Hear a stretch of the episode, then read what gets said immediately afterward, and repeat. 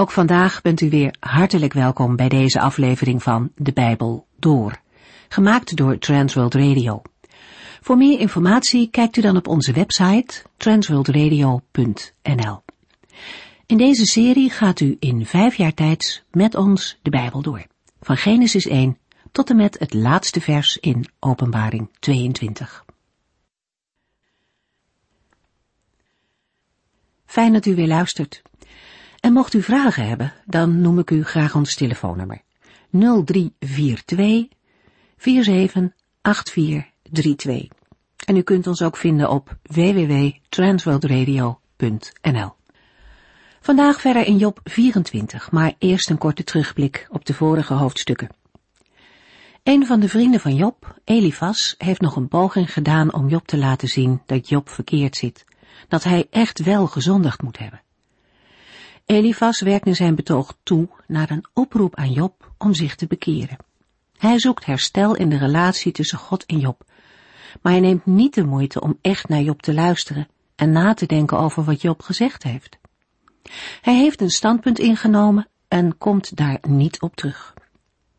Elifas begint opnieuw met te vertellen dat Jobs eigen zonden de oorzaak zijn van zijn lijden.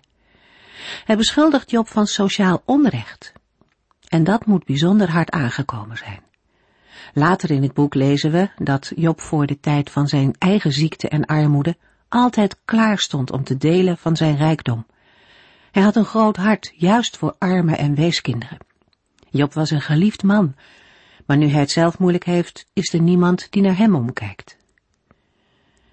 Dan wijst Elifas Job erop dat God alles weet en ziet, en daarom de goddeloze straft. Hij eindigt met een indringende vraag aan Job om zich opnieuw tot God te bekeren. Job gaat niet zozeer in op de woorden van Elifas. Zijn verzuchtingen gaan meer richting God. De Heere is de enige van wie Job recht en hulp kan verwachten. Maar Job kan de Heere niet vinden. Hij wil zich wel tot God richten, maar het blijft stil aan Gods kant.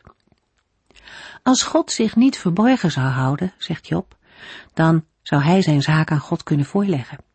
God zou naar Job luisteren en hem niet meteen beschuldigen. Job verwacht dat God hem dan vrij zou spreken. En het zwijgen van Gods kant raakt Job diep. Het maakt hem wanhopig. Meer dan zijn ziekte en naderende dood mist Job de Heere. In hoofdstuk 24 lezen we wat Job verder zegt tegen Elifas. In de vorige uitzending hebben we in Job 23 vers 11 en 12 gelezen dat Job van mening is dat het probleem niet aan zijn kant zit.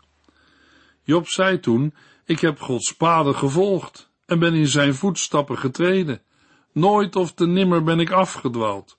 Ik heb zijn geboden niet afgewezen, integendeel. Ik hield zelfs meer van zijn woorden dan van mijn dagelijks eten. Volgens Job ligt het probleem bij de Heere en hij is soeverein.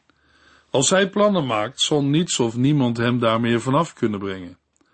Er zal worden uitgevoerd wat de Heere voor Job in gedachten heeft. Er is geen kans dat dit plan niet of slechts ten dele werkelijkheid zal worden. Sterker nog, Job spreekt in Job 23 vers 14 uit, de Heer is nog veel meer van plan. Het lijden is nog lang niet voorbij. Het zijn woorden die merkwaardig overkomen, want wie is Job dat hij de plannen van de Heere zou kennen? Maar vanuit de diepe ellende waarin Job zich bevindt, is het niet vreemd dat de wanhoop hem tot deze woorden drijft.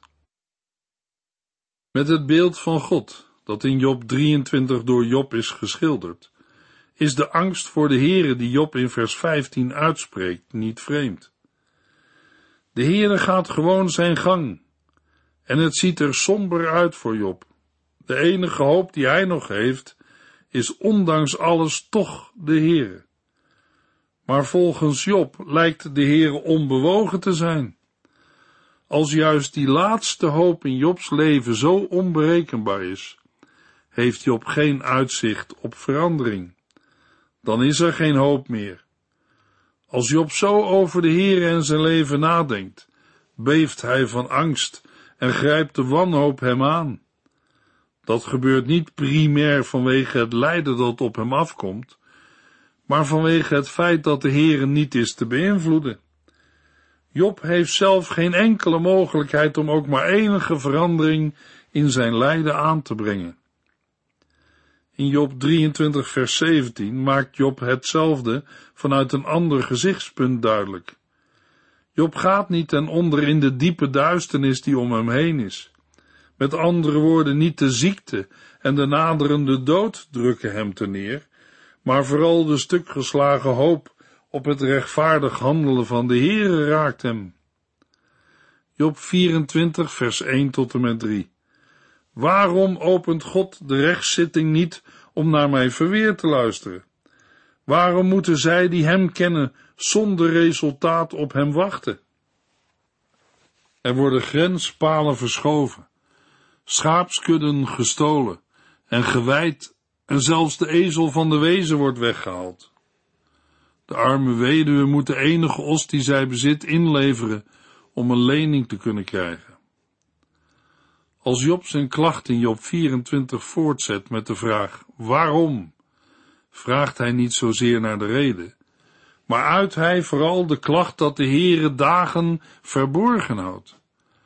De dagen waarnaar Job verlangt zijn dagen waarop het recht zijn loop krijgt, vastgestelde tijden, waarop ieder krijgt wat hij verdient.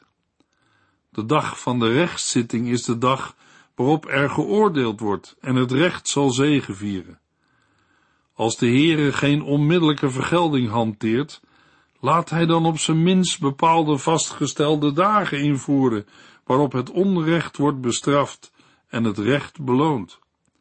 Zelfs voor hen die God kennen, die ook naar het recht verlangen, blijven die momenten van recht en beloning uit. Het lijkt erop dat het onrecht ongestraft en het recht onbeloond blijft. In vers 2 beschrijft Job het onrecht dat ongestraft blijft. Er wordt land gestolen doordat mensen grensstenen verschuiven. Dat was in Israël nadrukkelijk verboden. Kennelijk zorgt het uitblijven van het oordeel ervoor dat de goddelozen onbeschaamd te werk gaan. Ze stelen namelijk ook schaapskudden, die ze zelf gaan weiden. Mogelijk werden de kudden op het land dat gestolen werd automatisch als eigen vee bestempeld. Het onrecht gaat verder. Er wordt namelijk niet gestolen van hen die machtig genoeg zijn om een rechtszaak aan te gaan. Maar het zijn juist de sociaal zwakkeren en rechtelozen die worden bestolen, namelijk de vaderloze kinderen en de weduwen.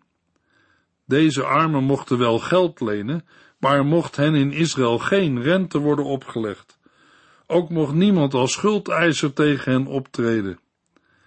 Elifas had Job hiervan beschuldigd, en Job weet dat het gebeurt, maar niet door hem. Job 24 vers 4 De hulpbehoevenden worden opzij geschopt, ze mogen de weg niet versperren. Alle armen van het land worden in een hoek gedrukt. De armen worden niet alleen bestolen, maar in het publieke leven worden ze ook gewoonweg geminacht. Alsof ze er niet zijn, worden ze van de openbare weg gedrukt. Er is geen enkel respect voor hen. Ze schuilen dan weg voor de goddelozen, die hen zo slecht behandelen. Want alleen op die manier kan het onrecht dat hun wordt aangedaan nog worden beperkt. Job 24 vers 5 en 6 Net als de wilde ezels in de woestijn, moeten de armen al hun tijd gebruiken om genoeg voedsel te bemachtigen. Zij worden de woestijn ingestuurd om voedsel te zoeken voor hun kinderen. Ze eten wat in het wild groeit en zoeken zelfs in de wijngaarden van de goddelozen naar achtergebleven druiven. De aandacht is in vers 4 verschoven van degenen die onrecht doen naar hen die het moeten ondergaan. Niet de daders, maar de slachtoffers zijn nu het onderwerp. Zij worden vergeleken met wilde ezels, voortdurend op zoek naar voedsel. In die tijd stond een wilde ezel die in de woestijn leefde als ontembaar bekend. Het dier blijft voortdurend naar voedsel zoeken, pas als hij het gevonden heeft, stopt hij met balken. Zo zijn ook de armen steeds op zoek naar voedsel om te kunnen overleven. Ze hebben geen enkele bron van inkomsten en moeten in de wildernis op zoek naar eten voor hun kinderen. De wildernis heeft maar weinig te bieden en dat maakt de zoektocht zwaar en intensief. Naast het zoeken naar voedsel in de woestijn zoeken de armen hun voedsel ook op de akkers van de goddelozen. Dat kan betekenen dat ze als arbeiders voor de goddelozen aan het werk zijn. Maar het is waarschijnlijk dat ze op zoek zijn naar wat bij de oogst is blijven liggen. Ze houden een nalezing op de akkers. Daarbij is het niet ondenkbaar dat het eigen akkers van de armen zijn, die hun op oneerlijke wijze afhandig zijn gemaakt. Zo leven de armen van wat de maaiers hebben achtergelaten en in de wijngaarden is blijven hangen. In de versen 7 tot en met 18 wordt het leed van de armen en de verdrukking door de goddelozen nader omschreven. Ze hebben geen dekens en kleren om zich tegen de kou te beschermen en geen dak boven hun hoofd. Daarom worden ze nat van de regens en zoeken beschutting in een rotsachtig gebied met grotten waarin beschutting kan worden gevonden. In vers 9 verschuift de aandacht weer naar de goddelozen. Opnieuw wordt beschreven hoe zij het recht met voeten treden. Ze roven kinderen van de moederborst, niet omdat ze de vader zijn, want het gaat over vaderloze kinderen, maar omdat ze een verzekering willen hebben dat het geld dat ze hebben uitgeleend weer terugkomt. In vers 10 lezen we, Daarom moeten zij naakt, zonder enig kledingstuk, ronddwalen en worden zij gedwongen korenschoven te sjouwen, terwijl ze zelf honger lijden. De armen worden wel aan het werk gezet, maar ondervinden te midden van de welvaart en overvloed geen enkel voordeel van hun werk. Ze hebben geen kleding om hun lichaam te beschermen. Ze bevinden zich te midden van overvloed, maar mogen er niet van eten. Zelfs het vee mocht tijdens het werk in Israël gewoon eten, zodat deze uitbuiting ronduit schandalig is. Zo gaat het niet alleen bij de graanoogst, maar ook bij de olijvenoogst en de druivenoogst. Steeds doen de armen het zware werk. Ze persen de olijven en treden de druiven, maar van de oogst mogen ze niets eten. Het onrecht dat de Heere toelaat is zeer groot, niet alleen bij de armen die in de woestijn leven, of bij hen die als slaven op de akkers worden misbruikt, maar ook bij hen die in de steden wonen. Ze zijn van honger en uitbuiting uitgeput, verwond zelfs. Ze schreeuwen naar de Heer om hulp, om een rechtvaardig ingrijpen, maar ontdekken, net als Job, dat God zich terzijde houdt. De goddelozen gaan ongestraft hun gang. Na de uiteenzetting van het onrecht dat door de Heere wordt toegelaten, beschrijft Job de daders van het onrecht. Achtereenvolgens noemt hij de moordenaar, de overspelige man en de dief, overtreders van het zesde, zevende en achtste gebod van de tien geboden. Juist omdat God het onrecht niet aanpakt, kunnen zij hun gang gaan. Job 24, vers 18 en 19. Maar wat verdwijnen zij snel van de aardbodem. Het land dat zij bezitten is vervloekt. Het is afgelopen met hun kwade praktijk in de wijngaarden. De dood verteert zondaars, zoals hitte en droogte, de sneeuw laten verdwijnen.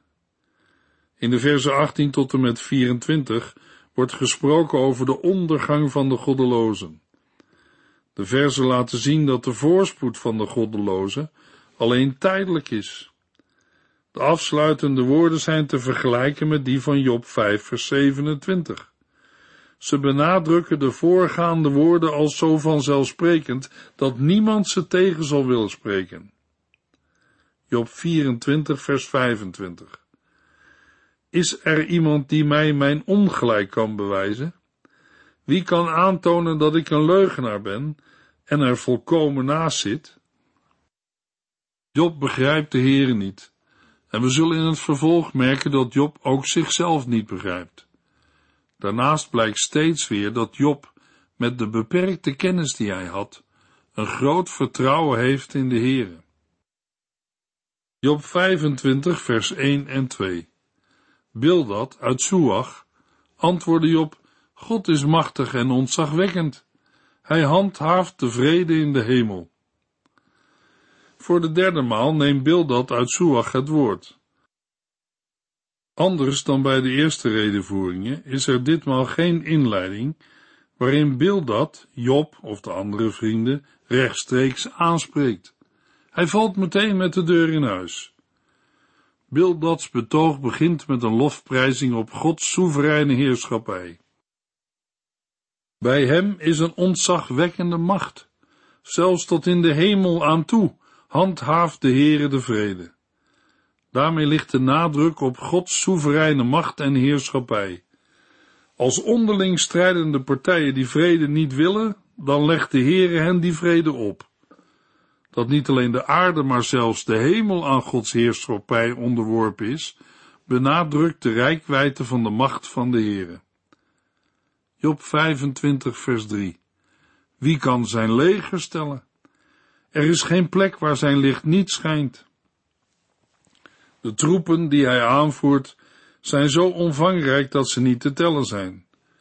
Wat opnieuw spreekt van Gods grote en onbetwiste autoriteit en macht. Zijn licht schijnt zo sterk dat waar een mens zich ook maar verbergt, hij nooit aan Gods aandacht kan ontsnappen. Niemand, ook Job niet, moet dan ook niet denken iets voor de Heere verborgen te kunnen houden.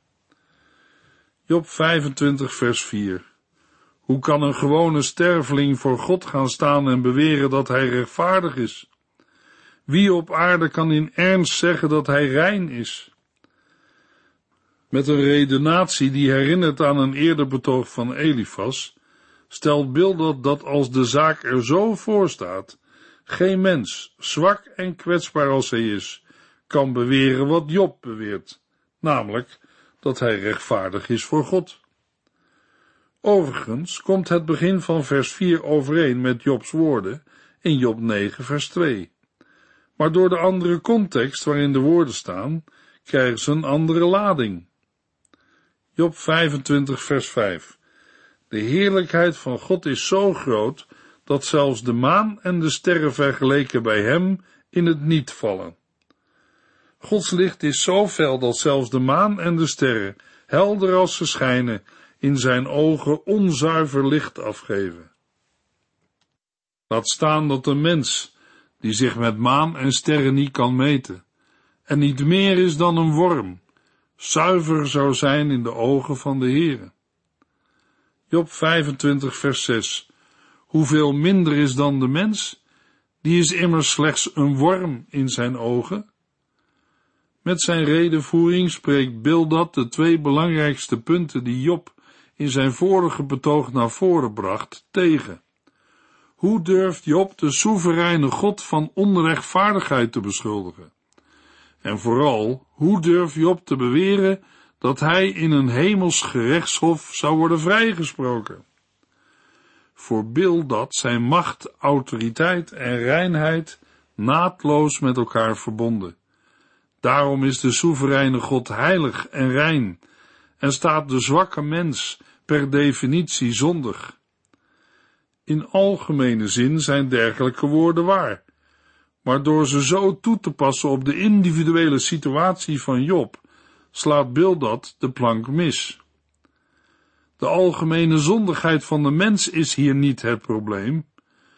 De beknoptheid van de laatste redenvoering van Bildad waarin hij feitelijk nauwelijks meer zegt dan Elifas eerder al had gezegd, illustreert dat Bildad door zijn argumenten heen is.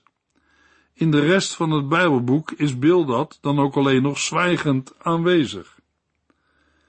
Met Job 26 begint de langste redenvoering van Job. Job 26 vers 1 tot en met 3. Job antwoordde Bildad, wat zijn jullie toch waardevolle helpers? Wat ben ik blij dat jullie mij in mijn ellende een hart onder de riem hebben gestoken. Wat een wijsheden hebben jullie mij toevertrouwd. Jullie wijze woorden hebben een wereld van inzicht voor mij geopend. Voor de derde maal neemt Job het woord om Bildad een weerwoord te geven. Met bijtende ironie komt Job terug op de woorden die Bildad heeft uitgesproken.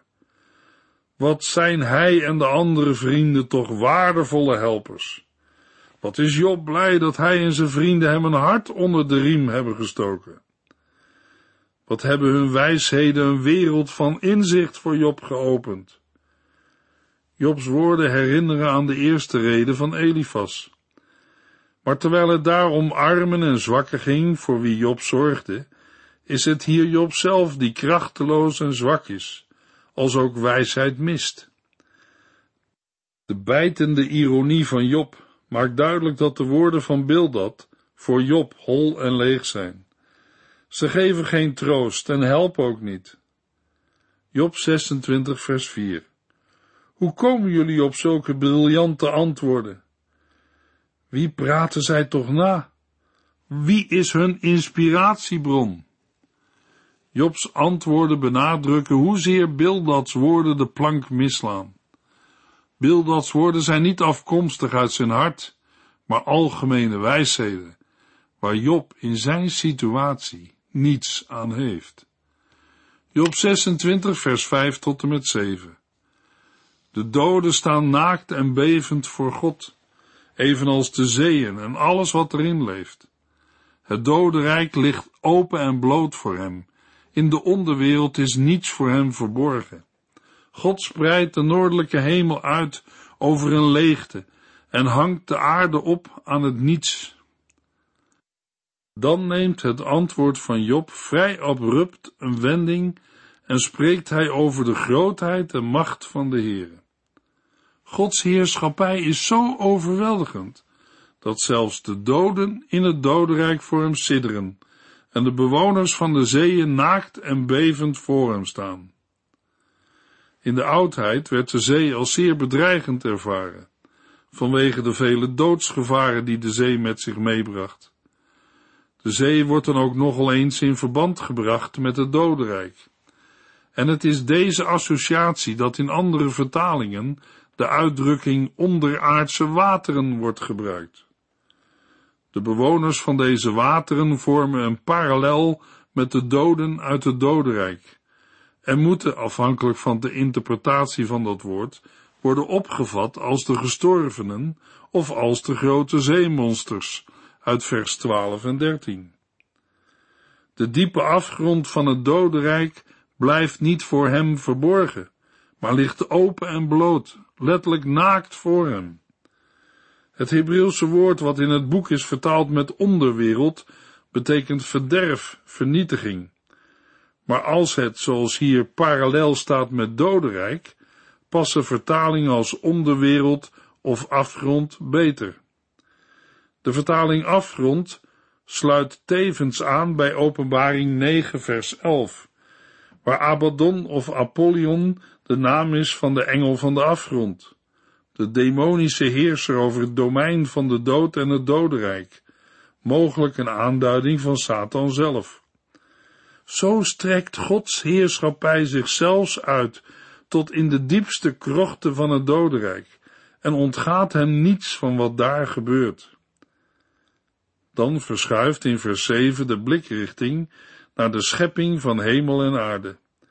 Ook zij vormen een teken van Gods grote macht, die niet te evenaren is. De Heere heeft het noorden, de goddelijke woonplaats, uitgespreid over de vormloze leegte en de aarde opgehangen aan het niets.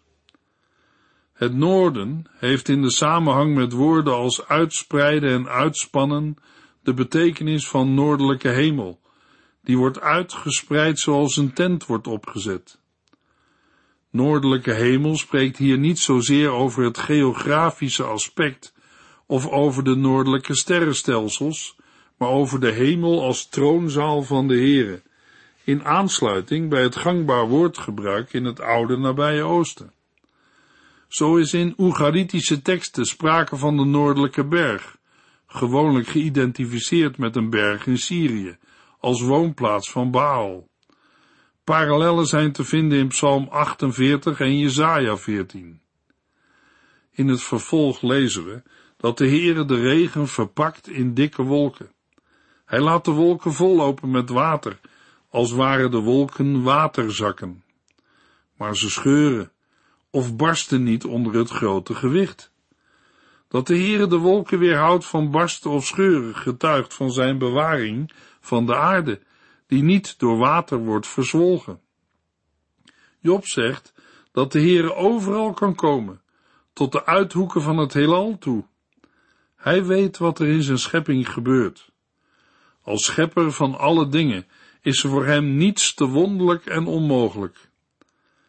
Wij mensen denken veel te weten en kunnen heel wat zaken verklaren en uitleggen, maar ten opzichte van de Heere weten we niets. Wat we wel weten wordt verwoord door de apostel Paulus in Romeinen 8 vers 38 en 39. Hij zegt, ik ben ervan overtuigd dat niets ons kan scheiden van Gods liefde. De dood niet, het leven niet, engelen niet, bovenaardse krachten niet, de dingen van vandaag niet, de dingen van morgen niet. Nee, er is geen enkele kracht die dat kan. Hoe hoog we zijn gestegen, of in welke diepte wij ons ook bevinden, niets in de hele schepping kan ons scheiden van Gods liefde, die ons gegeven is in Christus Jezus onze Heer. In Job 5 vers 9 hebben we gelezen dat de Heere machtige en onbegrijpelijke dingen doet. Hij verricht ontelbare wonderen. In Job 9 vers 10 wordt nog aangevuld met ongelooflijke wonderen. Wij kunnen elkaar de grootheid van de Heere niet uitleggen, maar deze grote God heeft zich geopenbaard in zijn Zoon Jezus Christus. Hij wil ook uw heiland zijn. In de volgende uitzending lezen we verder in Job 26 tot en met 28. U heeft geluisterd naar De Bijbel Door, in het Nederlands vertaald en bewerkt door Transworld Radio. Een programma waarin we in vijf jaar tijd de hele Bijbel doorgaan. Als u wilt reageren op deze uitzending of u heeft vragen, dan kunt u contact met ons opnemen. Tijdens kantooruren kunt u bellen op 0342 47 8432. 0342 47 8432. Ook kunt u een e-mail sturen naar de Bijbel door at transworldradio.nl en natuurlijk kunt u ook via de post ons bereiken. TWR, postbus 371, postcode 3770, AJ in Barneveld. Dit programma werd gepresenteerd door Cor Weda en Ike André. Techniek was in handen van Odin van Voerkom. En wij allemaal bedanken u voor het luisteren. Graag tot de volgende keer.